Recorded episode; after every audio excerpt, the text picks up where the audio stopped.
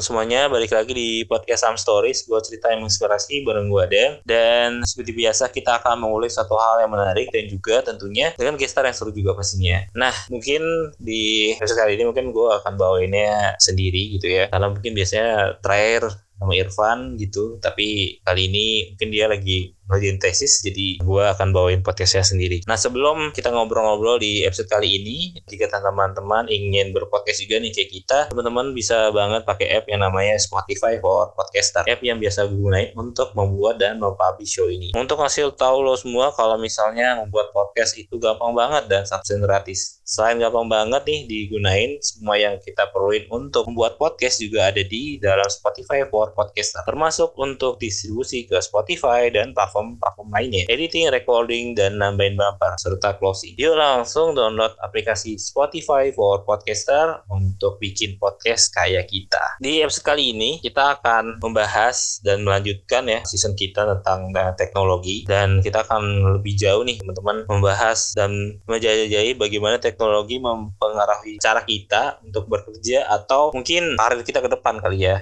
Dan juga bagaimana kayak kalau di pembahasannya judulnya kayak job market atau pasar kerja ya. Sebenarnya lebih ke ketersediaan lapangan pekerjaan atau job yang ada di perusahaan-perusahaan nanti ke depan mungkin kali ya gitu. Karena soalnya apa hubungannya dengan teknologi gitu? Karena banyak sekali pekerjaan-pekerjaan yang mungkin beberapa tahun yang lalu lah lima tahun yang lalu atau 10 tahun sebelumnya gitu. Karena mungkin sudah mulai di perkembangan teknologi di pekerjaan itu lebih ke mungkin di pabrik-pabrik kali ya. Kayak adanya jalan dengan otomatis gitulah kerjaannya gitu. Karena dibantu dengan mesin gitu. Dan itu orang mikir kayak pekerjaan yang akan hilang ya mungkin itu ya. Karena ya terutama buruh pabrik ya gitu. Lebih tepatnya gitu. Karena udah adanya mesin gitu ya. Jadi tinggal di maintain saja oleh satu dua orang aja gitu. Itu yang mungkin ke depan yang akan yang tapi ternyata masih banyak lagi pekerjaan-pekerjaan yang mungkin ke depannya tadi soal tadi ada yang lebih ke pekerjaan itu bisa banget dikerjakan secara otomatis gitu kan. Dan yang itu lebih ke orang mikirnya ya tadi ke pabrik dan pekerjaan yang akan hilang itu mungkin buruh pabriknya itu sendiri gitu. Dan karena pekerjaannya ya bisa dikerjakan oleh satu atau dua orang saja karena sudah dibantu oleh mesin secara otomatis kan gitu. Tapi ternyata di saat ini mungkin perkembangannya banyak sekali pekerjaan-pekerjaan yang tadinya itu adalah pekerjaan-pekerjaan yang tidak pernah dipikirkan oleh teman-teman sebelumnya dan itu ada sekarang kayak mungkin ya konektor atau ya, kreatif atau yang lainnya itu ternyata mungkin aja bisa saja digantikan oleh si teknologi ini dengan adanya mungkin kita pernah bahas di satu episode sebelumnya tentang ChatGPT misalnya gitu. Nah itulah yang mungkin akan kita bahas di episode kali ini mungkin ya kayak gitu. Pembahasan ini mungkin akan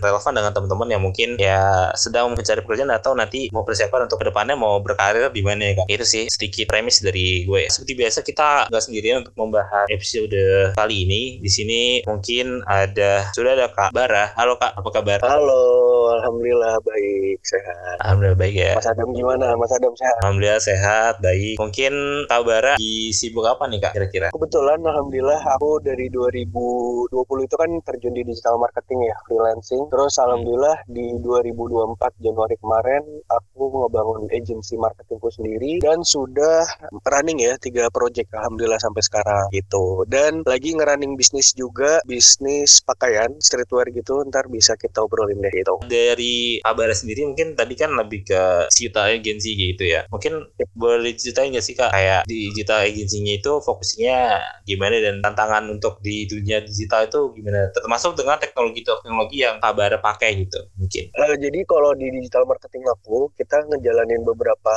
program ya mas. Ada hmm. website development ada application development ada social media maintenance ada company branding dan sebagainya. Dan alhamdulillah karena teknologi AI itu beberapa tools itu ngebantu kita juga sih mas. Ada mungkin chat GPT yang ngebantu kita buat bikin script, yang ngebantu kita buat research. Hmm. Terus ada voice enhancer itu ada di Adobe sama ada di CapCut itu buat ngebantu kita voice reduction ya, noise reduction itu kepake banget. Untuk tantangannya sebenarnya kadang teman-teman di digital tuh malah udahlah pakai CapCut aja yang benar-benar AI ngemudahin gampang. Cuman hasilnya itu akan tetap beda ketika kita pakai Adobe. Karena Adobe itu kan biasanya untuk profesional dan toolsnya lebih banyak. Walaupun memang makan waktu dan harus manual. Gitu sih mas. Tantangannya di teknologi. Hmm. jadi kadang ada orang-orang yang gampang banget untuk melempar kerjaannya ke chat GPT udahlah chat GPT aja bar kelamaan gitu bikin enggak karena gini bedanya kita dengan AI itu kreativitas terutama beda. Dan mereka kan ngambil dari data yang udah tertulis ya di internet. Hmm. kalau kita kan berdasarkan emosi berdasarkan perasaan pengalaman dan sebagainya. Seperti tadi ya kekurangan dari terutama tadi ChatGPT sebenarnya kita juga pernah bahas juga di episode sebelumnya kayak mereka belum punya tadi perasaan atau yang tadi kabar sebutkan gitu ya. Tapi ada hal-hal yang belum manusia banget masih human like kalau ya jadi masih belum sesebutan itu. Tapi tapi mungkin aja ke depan bisa jadi sempurna karena mungkin karena dia bisa dapat dari data-data yang karena kita sebagai pengguna ya dan dia mulai mengerti tentang bagaimana jadi manusia itu sendiri itu bukan akan jadi menghilangkan pekerjaan pekerjaan gitu. Betul. Ya untuk 5 until 30 years ahead ya untuk 5 sampai hmm. 30 tahun ke depan mungkin bisa terjadi Mas. Cuman tetap aja kayaknya kalau dari penglihatan saya dan dari data riset kayaknya tetap membutuhkan tenaga kerja dari manusia. Karena basically hmm. kan teman di awal si teknologi ini kan kita yang ngebuat teknologi ini kan kita yang merancang teknologi ini kita yang maintain. So memang tetap butuh andil manusia walaupun memang ada chances atau probability bahwa lapangan pekerjaan akan mulai mengurang itu pasti ada itu pasti ada. Tetapi tidak dipungkiri manusia karena kita memiliki emosi kita memiliki simpati empati pasti kita bakal ngebangun lapangan pekerjaan pekerjaan lapangan pekerjaan yang lainnya. Contoh TikTok itu adalah buatan China yang di mana China itu di data riset paling banyak Mas Adam untuk hmm. memakai automation, untuk memakai teknologi. Pertama China, kedua Jepang, baru ketiga Amerika. China itu paling tinggi. Tapi kita lihat TikTok, oh TikTok malah sekarang banyak banget lapangan pekerjaan kebuka. Social media spesialis, social media researcher, content researcher, social media maintenance, terus juga ada live TikTok host. Nah itu ngebuka lapangan pekerjaan lagi tuh mas. Jadi mungkin hmm. dari 5 sampai 30 ke depan memang akan ada lapangan pekerjaan yang ketutup tapi bakal ada lapangan pekerjaan yang akan kebuka lagi gitu. Oh, oke. Okay. Jadi walaupun banyak pekerjaan-pekerjaan yang akan hilang tapi juga nantinya ke depan ada pekerjaan-pekerjaan yang akan baru datang gitu ya. Betul, betul, betul. Karena itu how how work how life works gitu kan. Nggak mungkin hmm. dunia ini ngancurin orang yang ada di dalamnya sendiri nggak mungkin. Makanya pasti dengan kreativitas manusia itu pasti bakal ada kebuka lapangan pekerjaan lapangan pekerjaan lain at least ya. Masih hmm. kayak gitu. Kecuali dunia ini berubah jadi Terminator sih kak. Jadi nah ada, ada Skynet ya. ada Skynet deh iya, iya. baru ya yeah, mungkin ya. ada Skynet tuh ngeri juga tuh. Nah mungkin kayak gimana sih teknologi itu seperti tadi kayak AI ataupun buatan dan otomatisasi itu merubah ini ya kak? Merubah landscape pekerjaan itu menurut kakak gimana sih mereka merubah tatanan pekerjaan saat ini tuh gimana? Apa karena emang berjalan waktu aja gitu karena perkembangan data dan segala macam atau bagaimana bagaimana gitu. Kalau misalkan kita lihat di pekerjaan kasar ya Mas Adam, hmm. kayak misalkan di pabrik-pabrik itu kan udah banyak ya mesin automation ya yang buat nge-packing, buat hmm. ngebentuk, bahkan untuk bikin 3D layout tuh Mas yang pakai laser tuh. Jadi hmm, ngebangun yeah. 3D layout. Nah, tetap bakal ada satu sampai dua orang benar kata Mas Adam di prolog tadi bahwa hmm. ada ada beberapa orang yang akan nge-maintain itu kan. Benar kan? Tapi hmm. di sisi lain pun di belakang automation itu akan banyak lapangan pekerjaan kebuka untuk beberapa lapangan pekerjaan. Contoh contohnya coding. Terus orang-orang yang paham tentang dari coding itu dimasukin ke chipnya. Chipnya itu direalisasikan di robotnya gitu. Terus belum lagi yang ngebangun hardware dari robot ini. Jadi banyak banget. Makanya karena saya sempat kuliah di Malaysia teman-teman saya itu mostly yang dari Arab yang dari Palestina yang dari Uzbekistan hmm. mereka itu udah mulai ngambil mata kuliah-mata kuliah bukan yang general lagi. Bukan tentang komunikasi bukan tentang marketing tapi bukan tentang manajemen tapi mereka ngambil coding artificial intelligence. Mereka udah mulai belajar itu mas. Yeah. bahkan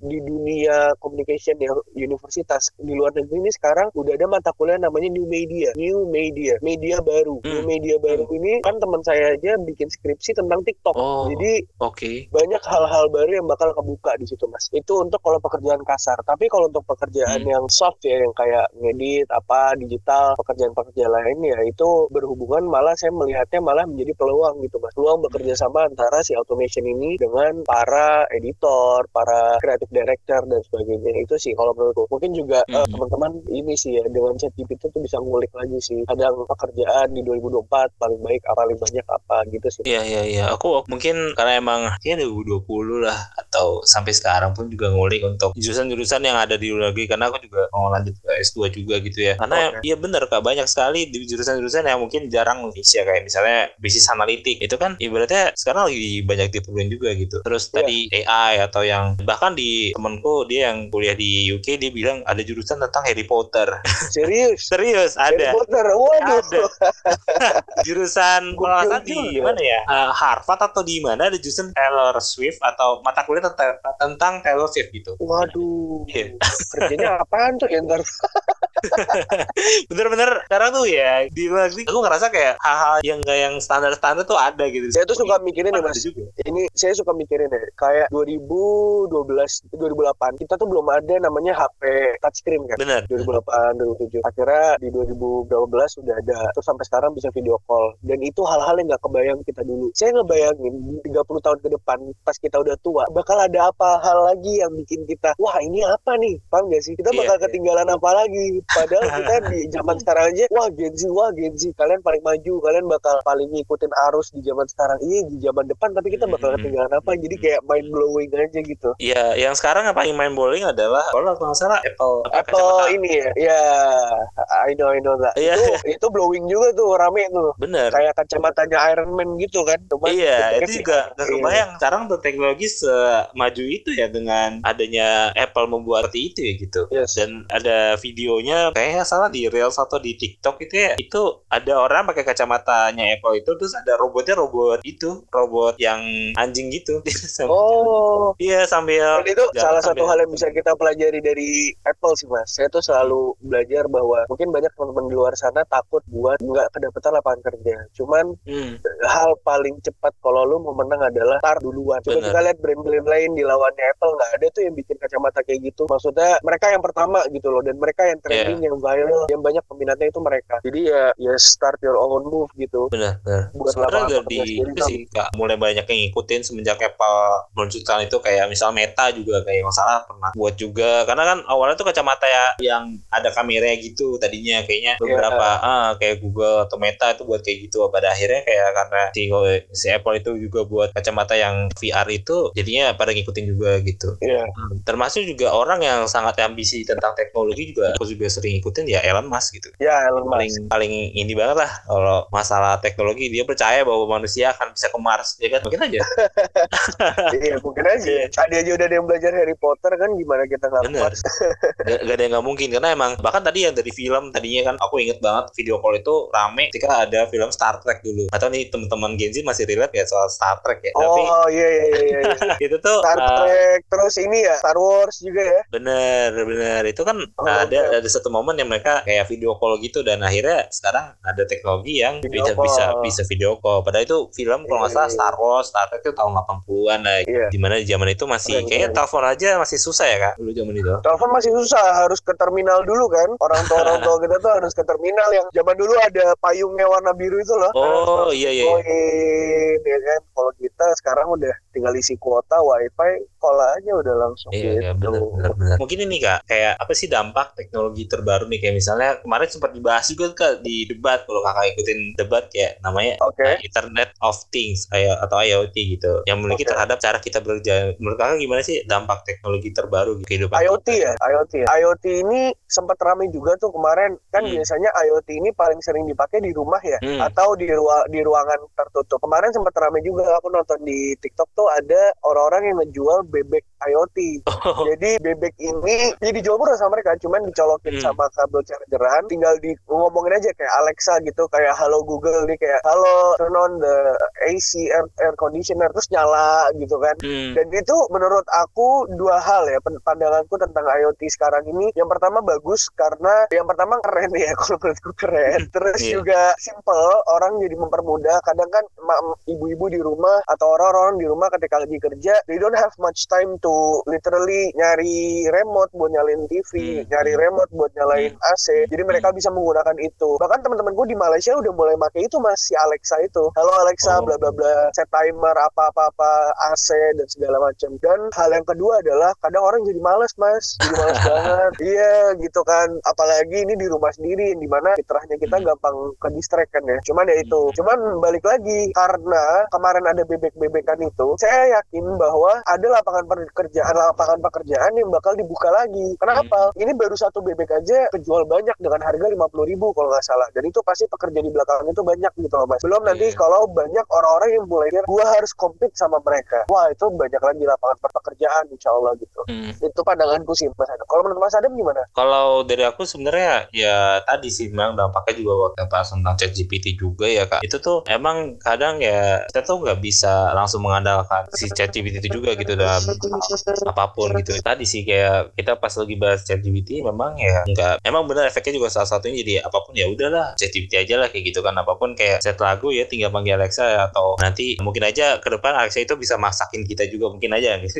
kayak kan Iya. sekarang banyak gitu smart home juga kan gitu. Jadi Iya um, setuju. ya balik lagi ke kitanya gitu dan apalagi sebenarnya aku yang aku takutkan yang di Indonesia ya kayak udah males baca Wah iya betul. Wah Ya, betul orang Apa baca literasi literasinya jadi udah berkurang. Ini makin nambah lagi kan yang kayak gini-gini. iya tambah Jadi tambah ya- males lagi. Tambah males lagi. Kayak iya. Chat GPT nih sekarang ya teman-teman. Kalau ada buku misalkan sebut buku A gitu. Tolong berikan poin-poin penting pada buku A. Ya udah dia baca poin pentingnya aja di chat iya iya. GPT iya dan emang kayak sekarang itu yang menurut aku penggunaan ChatGPT itu lebih ke uh, tools yang kayak dia lebih membantu ya. Jangan kayak kita mengandalkan untuk sebenarnya untuk cari data itu kalau yang kalian teman-teman pakai yang versi 3,5 itu datanya masih cuman sampai Januari 2022 kayak gitu. Tapi kalau kalian pakai yang plus ya mungkin akan dapat yang terbaru tapi tetap aja sih. Nggak benar-benar bisa kayak full sepenuhnya ya kita ngandelin dia. Yang penting juga waktu kita ngebahas ChatGPT itu kemarin adalah kita harus ngasih tahu dia konteks. Ada so- soalnya kadang dia suka ngasal kak. Kalau nggak ada konteks. Iya.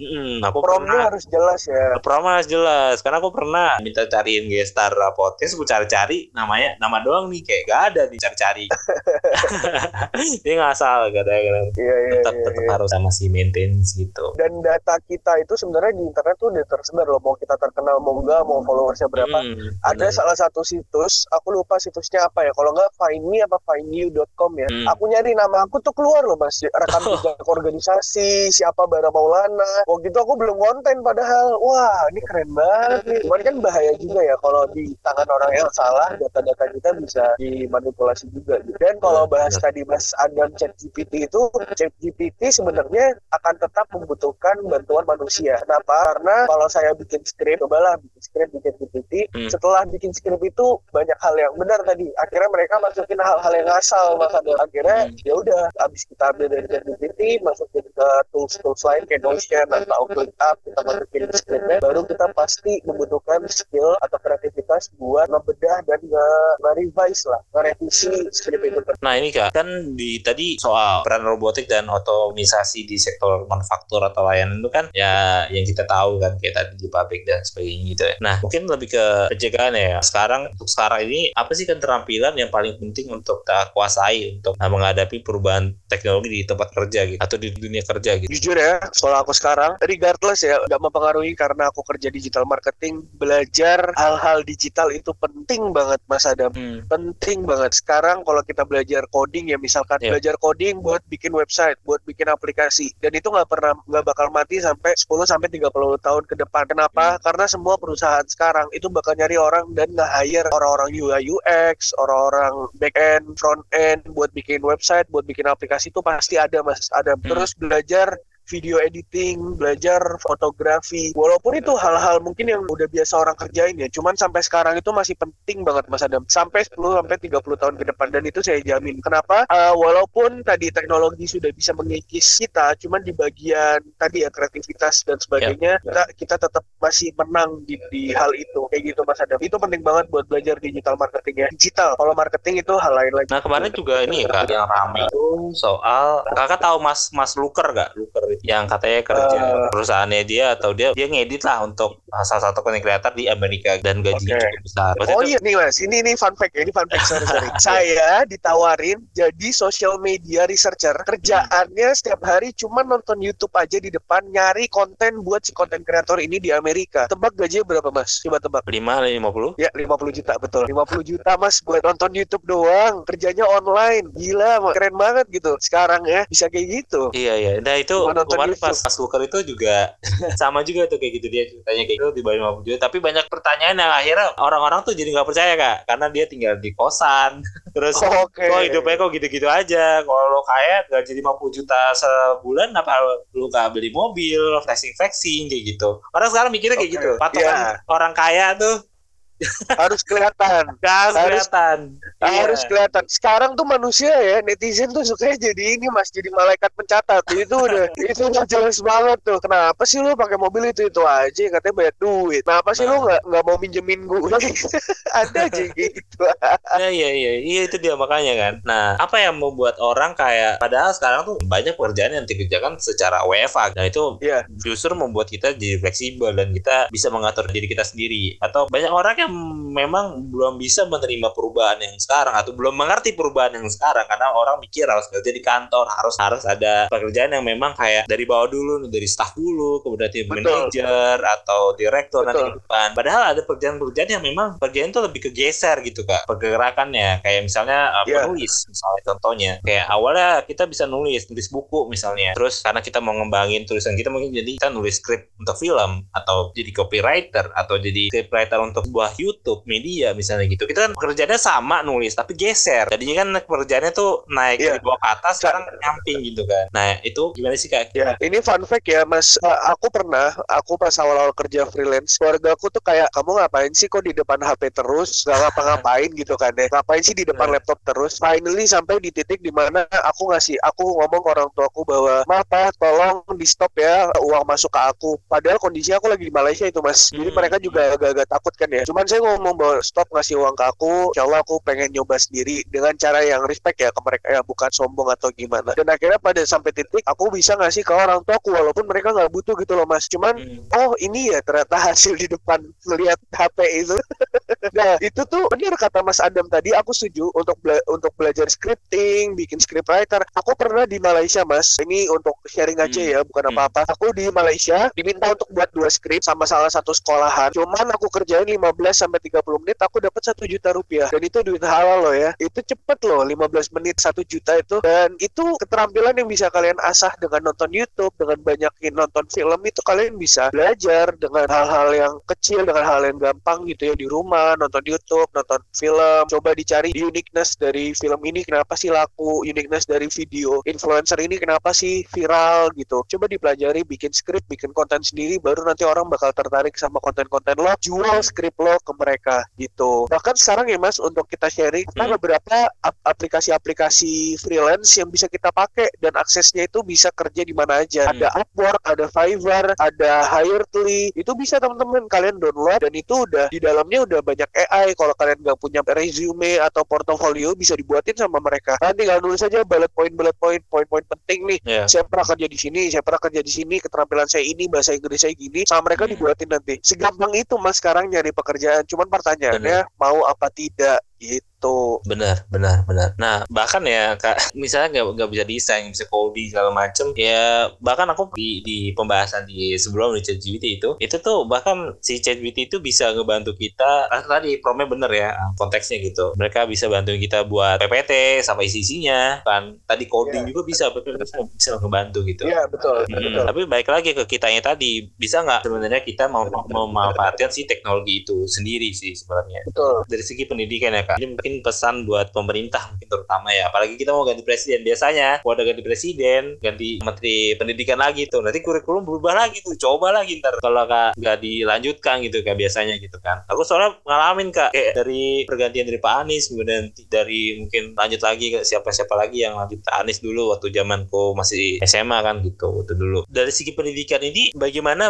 dunia pendidikan ini bisa menyesuaikan kurikulum yang bisa mempersiapkan generasi pendatang itu untuk menghadapi tantangan teknologi teknologi. Sedangkan ya kita lihat tadi kita sempat bahas di awal jurusan-jurusannya itu masih yang justru yang banyak itu yang umum itu ya jurusan-jurusan yang nanti pekerjaan akan hilang ke depan. Betul. Itu gimana kak kira-kira? Kalau menurut aku pendidikan di Indonesia perlu dirubah tuntas yang pertama untuk pelajaran sejarah untuk pelajaran menghafal tanggal nama itu perlu untuk nasionalisme aja. Biar pribadi anak-anak zaman sekarang tuh terbentuk dengan nasional nasionalisme. Cinta dengan negaranya paham dengan negaranya Indonesia itu apa Indonesia itu tujuannya apa dasar-dasarnya apa itu penting. Tapi yang kedua aku nggak perlu buat belajar matematika sampai belajar dengan level-level yang tinggi-tinggi banget itu nggak penting mas kalau menurut aku. Kenapa? Di pekerjaan itu juga belum tentu kepake gitu loh. Ya mungkin di pekerjaan administrasi masih kepake cuma di pekerjaan-pekerjaan lain hmm. enggak bukan aku bilang mata pelajaran ini jelek enggak buruk hmm. enggak cuman kayaknya masih bisa diefisiensikan lagi dengan mata pelajaran mata pelajaran yang lain. Contohnya kenapa nggak sih mata pelajarannya diganti dengan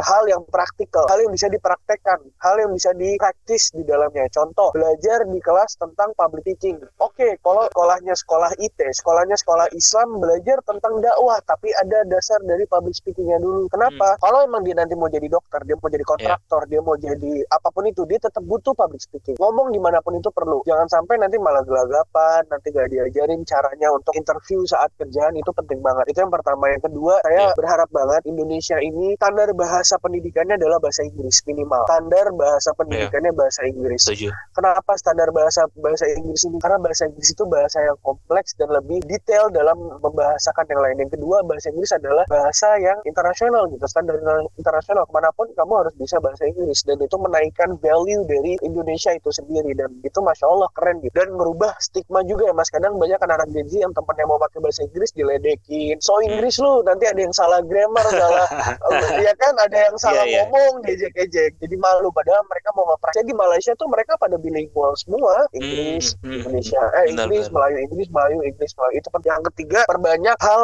yang mengajari tentang mencetak uang. Di sekolahan itu kita nggak diajarin buat mencetak uang mas. Itu kak itu kata-kata saya kutip yeah. dari salah satu motivator ya Andrew Tate kalau mas tahu. Andrew Tate ngomong sekolah ini nggak mengajarkan kita untuk mencari uang. Kalau emang sekolah mengajarkan kita untuk mencari uang coba lihat guru-gurunya mobilnya apa rumahnya kayak gimana bukan kita merendahkan bukan. Tapi coba kita lihat how to make money bukan how to understand the system of money gitu kan. Kan kita kadang hmm, belajarnya hmm. sistemnya bukan cara mencari duitnya gitu. Ajarin anak-anak untuk edit video. Ada beberapa sekolah sekarang yang udah kayak gitu mas. Cara ngedit yeah. video diajarin cara pakai Canva memaksimalkan Canva udah diajarin. Itu penting banget ya kayak gitu-gitu. Itu harus diajarin banget kayak gitu-gitu mas. yeah. dan benar, benar. harapannya paling penting adalah orang tua dan guru itu bisa sama-sama bekerja sama mendidik anaknya. Karena kadang orang tua ah yaudah yeah. gue sibuk gue naruh anak gue di tempat paling bagus paling mahal di Jakarta. Tapi di rumah nggak dididik nggak dididik itu penting banget mas. Apalagi benar. menghadapi perubahan zaman yang anak-anak ini membutuhkan mental baja mental kuat untuk menghadapi per perbedaan zaman yang bakal berbeda di masa depannya mereka.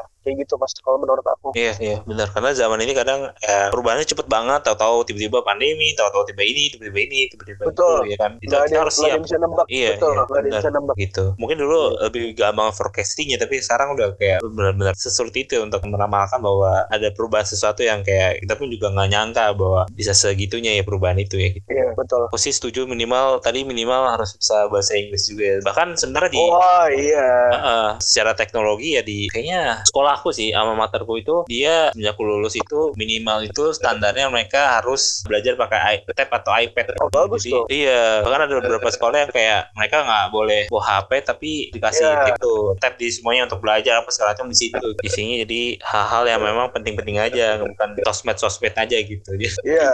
dan kalau bisa anak-anak itu kan kelebihannya beda-beda. Tapi di tempat tuh di hal-hal yang mereka jago gitu mas. Kalau emang mereka hmm. sukanya main game coba diarahin gimana sih caranya lu bisa main game tapi lu menghasilkan duit juga gitu loh. Nah iya. Kadang kan anak main game ini juga perlu dididik juga secara akhlaknya ya. Kadang kan lawan guru atau mana itu harus bisa imbang respect buat para guru di luar sana. Mungkin mungkin pertanyaan terakhir juga untuk menutup podcast kita apa sih pesan dan tips yang kakak ingin sampaikan untuk teman-teman podcast Sam Story yang sedang menghadapi tantangan teknologi di tempat kerja atau saat ini Ki? Ya, ada tiga hal. Yang pertama, jangan pernah takut untuk mencoba ya. Jangan pernah takut untuk mencoba dan untuk fight demi kehidupan lo. Karena gak akan ada orang yang bakal menarik diri lo dari atas kasur, hmm. menarik diri kamu dari atas kasur untuk lo kerja sekarang. Enggak. Tapi itu adalah kemampuan diri kita sendiri. Dan harus percaya diri atas diri kita sendiri ya. Kalau di agama saya diajarin kita harus percaya akan diri kita sendiri, maka Tuhan akan memberikan apa yang kita percaya itu mas. Yang kedua, yang tadi ya saya ingetin lagi start duluan. Kalau kamu nggak dapat lapangan pekerjaan, jangan ngandelin kerja kantoran. Mulai berbisnis, mulai bikin lapangan pekerjaan. Kenapa? Cuannya gede bos. di, di sisi lain ya, di iya, sisi yeah. lain kita kita nggak menutup mata kita butuh uang. Ya bisnis itu cuannya gede dan itu melatih hmm. kamu buat memanage keluarga juga, buat memanage hal-hal penting lainnya. Yang ketiga, ini tentang pekerjaan. Ini adalah quotes yang saya ambil. Mungkin masih pernah dengar. Ada dua quotes. Yang pertama, if you want to buy something without looking at the price tag, you have to work without looking at the clock. Kalau kamu mau beli sesuatu tanpa melihat price tag atau harganya, you have to work. Kamu harus kerja without looking at the clock. Tanpa melihat waktu jam. Kayak mungkin saya hari ini, hari Minggu tetap ada pekerjaan, itu tetap digas aja. Kenapa ya? Hmm. Kita mau menjadi orang yang terbaik di diri kita sendiri. Bukan untuk sombong, tapi buat memberikan manfaat untuk orang lain. Yang kedua, hmm. ada quotes lagi. Itu ada di baju brand saya. If your plan A doesn't work, you still have 25 alphabets other. Jadi kalau kamu plan A kamu nggak berhasil, masih ada 25 alfabet lain. Masih banyak plan-plan lainnya. Jangan takut sama perkembangan zaman, jangan takut dengan perkembangan teknologi. Kamu pasti bisa untuk melalui itu semua. Jadi either kamu bekerja sama orang atau kamu kerja mempekerjakan orang lain. Seperti itu. Itu masukan sih dari saya, insight yang saya pegang selama ini. Wah, ini luar biasa banget sih kali ini. Thank you banget Kak Bara udah mau sharing. Mungkin ada beberapa hal yang tadi bisa kita tadi ya. Kayak mungkin tadi dari segi pendidikan juga kan tadi pendidikan kita harus tadi minimal bahasa Inggris kemudian juga tadi ada quotes quotes dari Kabara juga untuk kayak ya tidak melihat waktu mau Sabtu mau Minggu juga tetap aja jalan aja gitu selama Betul. bisa bermanfaat Betul. juga kan gitu kadang juga kita bisa meluangkan waktu juga untuk belajar belajar hal-hal baru nambah ilmu juga itu juga penting juga sih ada rasa ingin belajar ada kemauan untuk mencari tahu hal baru juga kan Betul. mungkin itu aja yang bisa aku simpulkan sekali lagi thank you so much Kabara udah mau ngisi podcast Sam Story hari ini dan semoga cerita dan pengalaman Kabara juga juga saran-sarannya yang diberikan bakal bermanfaat juga dan juga menghibur serta teman-teman pendengar bisa mendapatkan insight juga kayak gitu. Dan juga mungkin mungkin kalau ada teman-teman yang ingin tahu nih lebih lanjut atau mau nanya lagi nih ke Kabara tentang hal ini mungkin boleh banget Kak. Mungkin Kakak bisa share sosial media Kakak share ataupun tadi yang sudah kita single soal uh, marketingnya atau tadi brand uh, kaos atau uh, ini namanya parfumnya yang mungkin sosial ya. media. Hmm. Jadi teman-teman yang mau kenal aku lebih dalam, sok aku bikin konten di TikTok namanya Bara Maulana. Kalau nggak ada hanya dua Bara Maulana atau Instagramnya juga Bara Maulana untuk digital marketing yang butuh bisnis kamu untuk di level up di bagian marketingnya, digital marketingnya. Silakan follow Creative Z underscore production dan untuk pakaian yang aku jual ada live underscore outwear dan teman-teman insya Allah di tanggal 2 Maret ini aku bikin workshop kelas bagi kalian mau belajar public speaking, personal branding, sama kamera mastering bareng dua influencer lainnya, insya Allah bisa join nanti bisa cek di Instagram aku atau di Instagramnya level up underscore workshop 2024 kayak gitu. Oke, okay, tadi some story keren. Siap, siap. Thank you so much Kak Bara. Tadi langsung guys, langsung meluncur sosial media Kak Bara atau tadi sosial medianya digital marketingnya atau mungkin tadi brand-brandnya Kak Bara juga. Dan kalau teman-teman yang mau ikut juga tuh di kelasnya tadi itu menarik banget tuh tentang personal branding juga ya tadi ya atau public speaking juga kayak ya tadi. Iya, betul. Nah, Ada itu, kamera mastering. Nah, itu itu hal-hal yang mungkin bisa meningkatkan uh, skill kalian juga dan pengetahuan kalian juga tentang itu. Langsung aja tadi uh, bisa ikut kelas kelasnya juga. Nah, kalau ada teman-teman juga yang ingin bekerjasama atau ada ide untuk konten podcast Sam Story selanjutnya, langsung bisa up on Instagram di @podcast underscore Sam Story dan juga bisa melalui email kita di podcastsamstory@gmail.com. Terima kasih buat teman-teman semua yang sudah mendengar podcast Sam Story episode spesial bersama Kabara and see you on the next episode. Dadah.